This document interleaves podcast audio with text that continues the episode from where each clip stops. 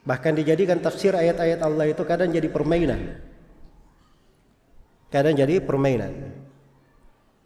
Dari hal yang paling buruk saya dengar belakangan ini, ada yang mengkritik-kritik masalah buzzer itu.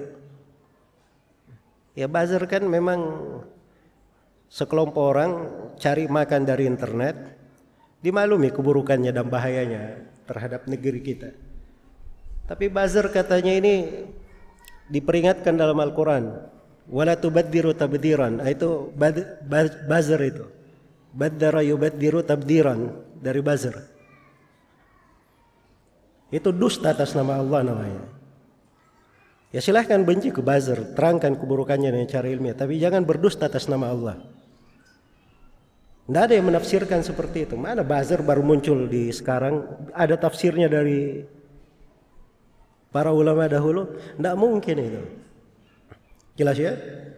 Karena itu jangan menafsirkan ayat-ayat sendirian ya. Sekarang banyak yang punya bikin apa begitu penelitian. Oh ini kayaknya ayat ini cocok dengan penelitian saya. Apa pula ceritanya? Kamu baru lahir 14 abad setelah Nabi meninggal tiba-tiba penafsirannya kamu tafsirkan sendiri?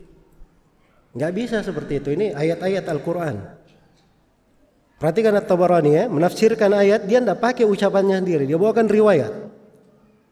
Dia bawakan riwayat. Nah, itu baru ilmu namanya. baru ilmu. Iya.